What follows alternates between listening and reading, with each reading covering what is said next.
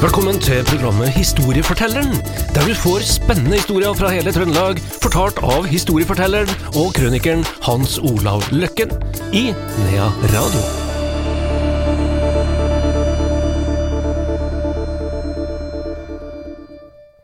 Velkommen til et nytt program i serien Historiefortelleren her i Nea Radio, og like velkommen som vanlig til deg, Hans Olav Løkken. Jo, takk. takk. Du, eh, på lurer på hvor får du tak i alle denne historiene? Nei, noen får får jo selvfølgelig tilsendt. De eh, som er litt mer dokumentert gjennom eh, krig og elendighet i bøker og sånn, de finner jo sjøl, selv, selvfølgelig, og mange har jo skrevet sjøl, men så er det jo de, de folka som sender med historier, kanskje litt ukjente historier, menneskeskjebner, eh, kanskje historier fra deres egen familie, som de har sittet på i mange år, og som de kunne kunne tenkes å dele med, med, med folk da, og jeg har fått tilsendt fra ulike kommuner. Og det setter jeg veldig pris på om noen har sendt meg sånne historier, så skal vi skal i hvert fall kreditere og si hvem som har sendt inn historier. Da er det både små og store ja. små historier du er interessert i? Ja, for at, uh, om de er små, så kan vi ta en to-tre i lag for mm. å fylle, få få, til noen minutter.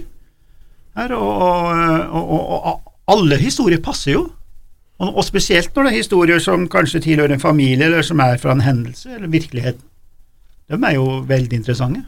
Du finnes i telefonkatalogen, men du finnes også på e-post? E-post, ja. Det er navnet mitt, det. Hans.olav.lukken istedenfor Løkken, og online.no, så det er ganske enkelt. Hans.olav.lukken, krøllalfa online.no. Du, ja. i dag skal vi til Oppdal? Ja, nå skal vi til Oppdal. Jeg har fått uh, to sånne småhistorier som er uh, virkelige hendelser. Og uh, jeg har jo eh, oppover årene hatt litt eh, med han eh, Kjell Haukland da, i Oppdal historielag. Han er jo en egen personlighet i fjellbygda. Det er jo sånn i de fleste kommuner at det kan være en eller to eller tre sånne ildsjeler som, som bringer historia videre. Og jeg fikk jo for, det er jo mange år siden da, så fikk jeg jo tilsendt eh, to av historiene her, og de skal jeg ta nå. Og da skal vi tilbake til eh, Oppdal, og 8. august 1940 så mottar han eh, Erik eh, Bø et brev fra soknepresten i Oppdal. Han heter Ole Flåvik. Eh, soknepresten ønska han Erik til å ordne på lynavlederen på kirketårnet. Den har visst løsna. Og presten mente jo da at han, eh, Erik var rett mann på rett plass. Og to dager senere så kom en eh, Erik for å utføre dette oppdraget, og sønnen hans, på fem år, sto tilbake og vinka faren av sted. Han Erik han eh, gikk jo selvfølgelig på stigen innvendig først, kom seg opp i ei luke, og der tar han seg ut og klatrer på utsida etter noen teiner eller kanskje noen bolter da, opp mot spiret, og han brukte jo ikke sikring. Det var vel kanskje ikke akkurat sånn de tenkte den tida. Og han eh, Erik han var kjent for å tåle høyder. Eh, det var nok antagelig det som var årsaken til at presten også tok kontakt med ham, at han var kjent for det. For det er liksom ikke alle som kan gå på et kirketak, i hvert fall ikke etter hvert som du blir eldre. Så han var kjent for det her, og eh, han hadde vel sett på det her som en vanlig rutinejobb. Men eh, det ble eh, mesteparten av dramatikk, da, for når han kom opp til tredje eller fjerde grepet, så, eh, så løsna da en sånn stein, eller hva det måtte være, da, og eh, fallet var på mellom 30 og 40 meter ned. Og fallet var uunngåelig, det. Og det som er så pussig, er at han eh, hadde åndsnærværelse til å snu seg i fallet. Det er sannelig ikke mange som har, ikke sant? Men han ha, ha, altså, det her er jo bevitna, at han snur seg slik at han skal lande med beina. Da er du kald, altså, for her går det på noen få sekunder. Så han landa med føttene først, og da vil da denne tradisjonsfortellinga, som er fra 1940, at sporene etter skohælene hans viste seg i bakken flere år etterpå. Hm. Man kan jo da begynne å lure på, hvis han hadde denne åndsnærværelsen, hva andre tanker gikk gjennom hodet akkurat på ett sekund? kanskje gjør han som de fleste av oss andre, tenker på dem der hjemme. Kjerringa var gravid, høygravid. Hun hadde tre andre barn hjemme.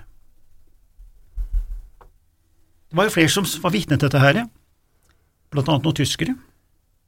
Så de kom raskt til med en sånn eh, motorsykkel med sidevogn. Da var han bevisst, og de plasserte han da på sidevogna, han hadde jo store smerter, og han har vel mer eller mindre bare skreket ut la meg få dø, la meg få dø. Men de tyskerne de kjørte han da til det her nyoppretta lasarettet nede på Fjellvang i Oppdal, og noen tyske leger prøvde å redde han, men det gikk ikke, han døde dagen derpå, da. Eh, det ble jo sagt at han var sterk i, eh, i høyden, og han var uredd. Og eh, noen i familien har vel sagt at det å sikre seg sånn, det var, det var ikke i hans ånd. Altså, han var stolte så på sine egne eh, evner til å tåle høyde, da. Men det ble jo tøft for familien. Så eh, først et år etterpå, da, i februar, så fikk jo enka og Agnes melding fra Rikstrygdeverket om at, eh, at du hadde krav på litt av trygd. da. Og det her var jo da etter at vi var okkupert. Men det var ikke noe å klare seg på, så hun måtte bare selge unna og, og flytte hjem til foreldrene. Men venner og familie stilte selvfølgelig opp, og livet måtte jo bare gå videre. Og da kommer det et lite sånn utsagn fra han Sønnen på fem som sto tilbake og så far sin av gårde sist han så av en. Da han jo sagt, han Ingebrigt, sønnen, da, at eh, jeg savna sånn far. Jeg savna han så sterkt at jeg mista hele matlysten. Si en femåring, er ikke det litt sånn spesielt? Og eh, det slutta i og for seg ikke der, for vi har en annen trist hendelse. Da skal vi tilbake enda lenger, en ettermiddag, søndag 29. oktober i 1906, eh, er det tre gutter som har tatt seg på baksida av eh, Almannaberget, det her store fjellet vet du, som dekker over hele Oppdal. Og De har nok tatt seg oppover der uten at foreldrene visste om det.